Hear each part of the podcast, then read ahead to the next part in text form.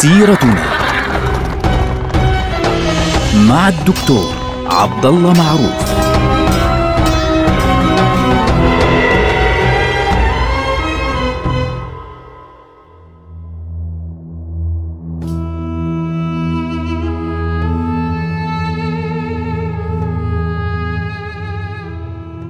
السلام عليكم ورحمة الله وبركاته. سيرتنا سيرة هذه الأمة، ونحن الآن في وقت عصيب صعب. تمر فيه الأمة فعليا، في الوقت الذي استشهد فيه حفيد رسول الله صلى الله عليه وسلم، الذي خرج إلى العراق فتركه أهل الكوفة بعد أن يعني أعطوه كل مواعيدهم ومواثيقهم، تركوه رضي الله عنه وأرضاه، واستشهد في كربلاء رضي الله عنه.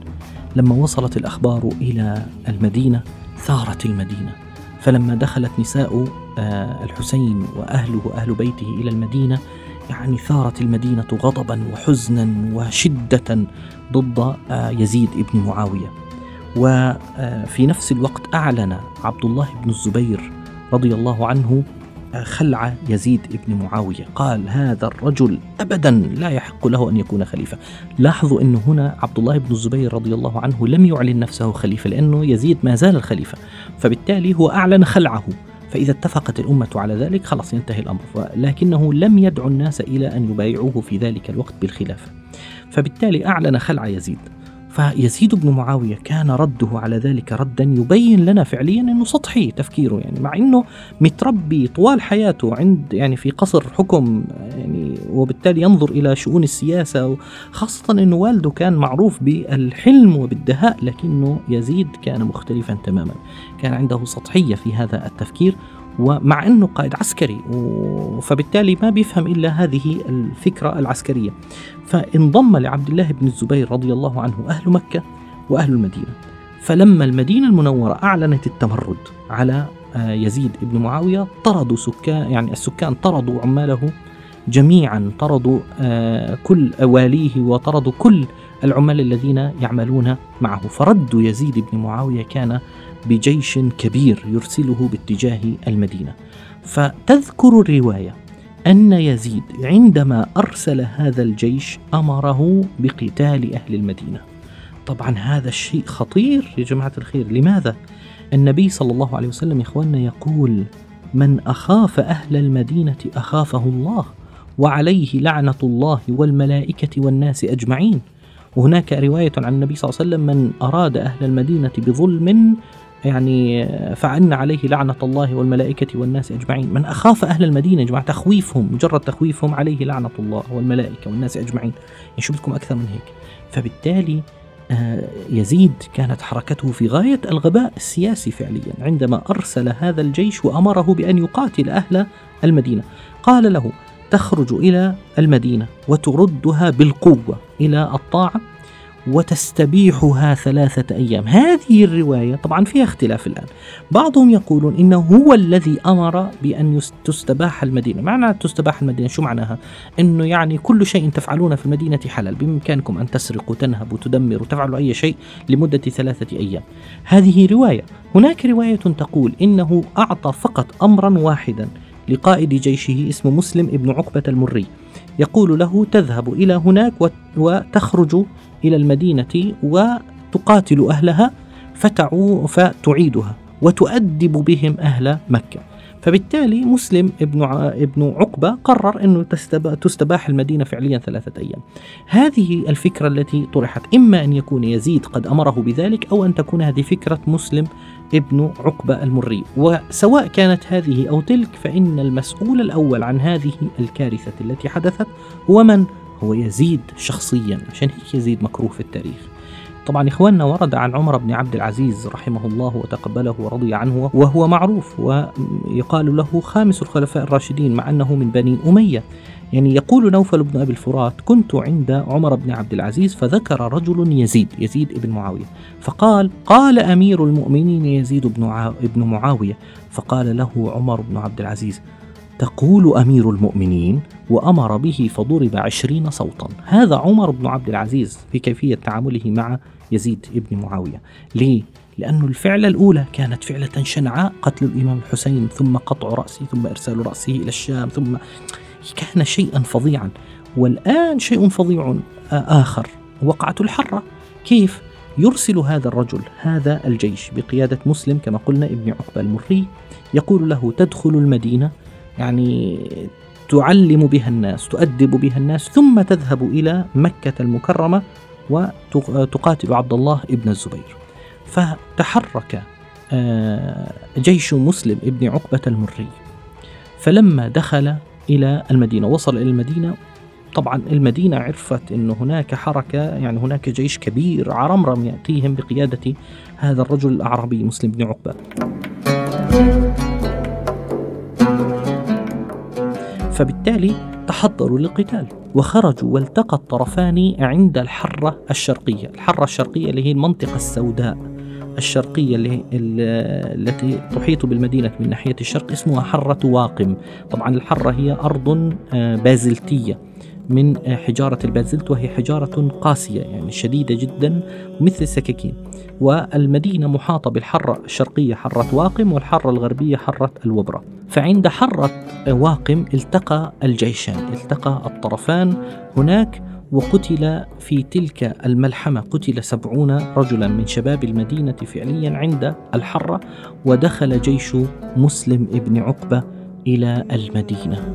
فاستباح المدينة ثلاثة أيام وأخافوا أصحاب رسول الله صلى الله عليه وسلم وأخافوا المؤمنين وأخافوا المؤمنات وأخافوا الناس. طبعا يجب هنا أن آه، أنبه لنقطة معينة.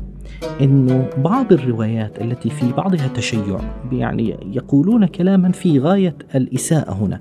يعني يقولون فيها إنه هناك تم اغتصاب ألف عذراء من أهل المدينة ومش عارف إيه. هذا الكلام فيه نظر. ليه؟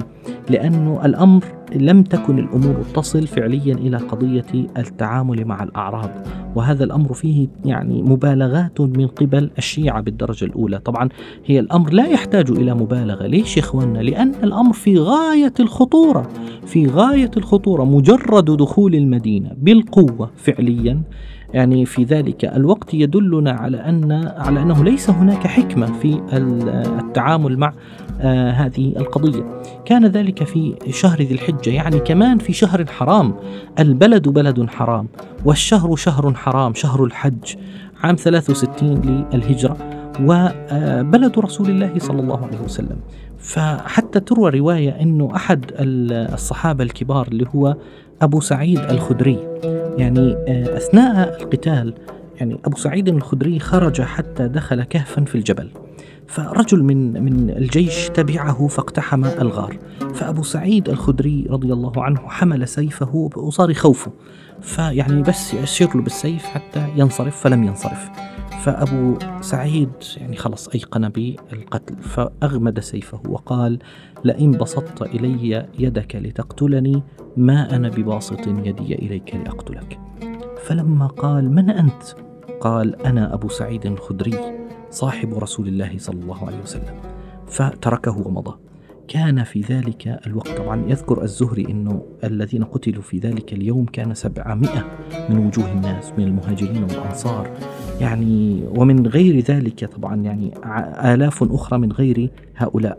سعيد بن المسيب كان عندما يقول عندما يذكر أحداث الفتن كان يقول وقعت الفتنة الأولى اللي هي استشهاد عثمان رضي الله عنه فلم تبق من أصحاب بدر أحدا ثم وقعت الفتنة الثانية يعني يوم الحرة. فلم تبق من أصحاب الحديبية أحدا. كان هناك يعني رجال من حملة القرآن استشهدوا في تلك الوقعة. كان هناك شيء يعني يوم صعب جدا حتى أن هناك عدد من أصحاب النبي صلى الله عليه وسلم. ذكر أن هناك ثلاثة من أصحاب النبي صلى الله عليه وسلم استشهدوا آه، في تلك البيعة من الصحابة المعروفين. وهناك أيضا من ذكر أن هناك أعداد يعني هائلة من الناس جرحت وسرقت منها يعني آه، أموالهم وسرقت منها أشياؤها وسرقت منها يعني شيء مؤلم مؤلم جدا. سبحان الله العظيم. يعني حتى تذكر روايات كثيرة. ابن كثير يذكر عدد لا بأس به من الروايات. يعني اللي يعني يقول مثلا إنه آه، سعدة آه ابن آه عوف المرية أرسلت إلى مسلم بن عقبة تقول له أنا بنت عمك يعني فمر أصحابك ألا يتعرضوا لإبلنا. فماذا قال طبعا هي مرية وهو مري. فقال لا تبدأ إلا بأخذ إبلها أولا. جاءته امرأة قالت أنا و... أنا مولاتك وابني في الأسارة في الأسارة يعني موجود في بين الأسرى الذين أخذتهم. فقال عجلوه لها فقتلوه يعني ضربوا عنقه ثم قال أعطوها رأسه. فكان شيء مؤلم مؤلم على الناس فعليا. بين الناس. سبحان الله العظيم. فبالتالي مسلم بن عقبة إيش يلقب في التاريخ الإسلامي؟ يقال له مسرف ابن عقبة هذا المجرم السفاح القاتل.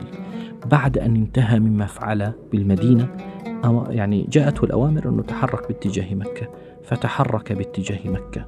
الشيء الغريب هو مات في الطريق قبل أن يصل إلى مكة. لما مات هذا الرجل قبل يعني وفاته أمر بأن يدفن.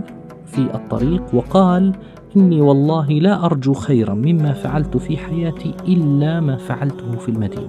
رجل غير معقول مجنون رسمي. هذا مسلم بن عقبة مجنون. يعني الرجل فوق أن فعل ما فعل في أصحاب النبي صلى الله عليه وسلم وفي حرم رسول الله صلى الله عليه وسلم كان يقول إني لا أرجو بذلك الجنة. نسأل الله عز وجل أن لا يوفقه ولا يقبل منه. وحسبنا الله ونعم الوكيل في هذا المجرم. فعليا مات هذا الرجل في الطريق فتولى قيادة الجيش رجل اسمه الحسين ابن نمير السكوني. وتحرك الحسين بن نمير للخطوة الثالثة اللي هي الكارثة الثالثة التي قام بها يزيد ابن معاوية وهي حصار مكة. نلقاكم على خير. السلام عليكم ورحمة الله وبركاته.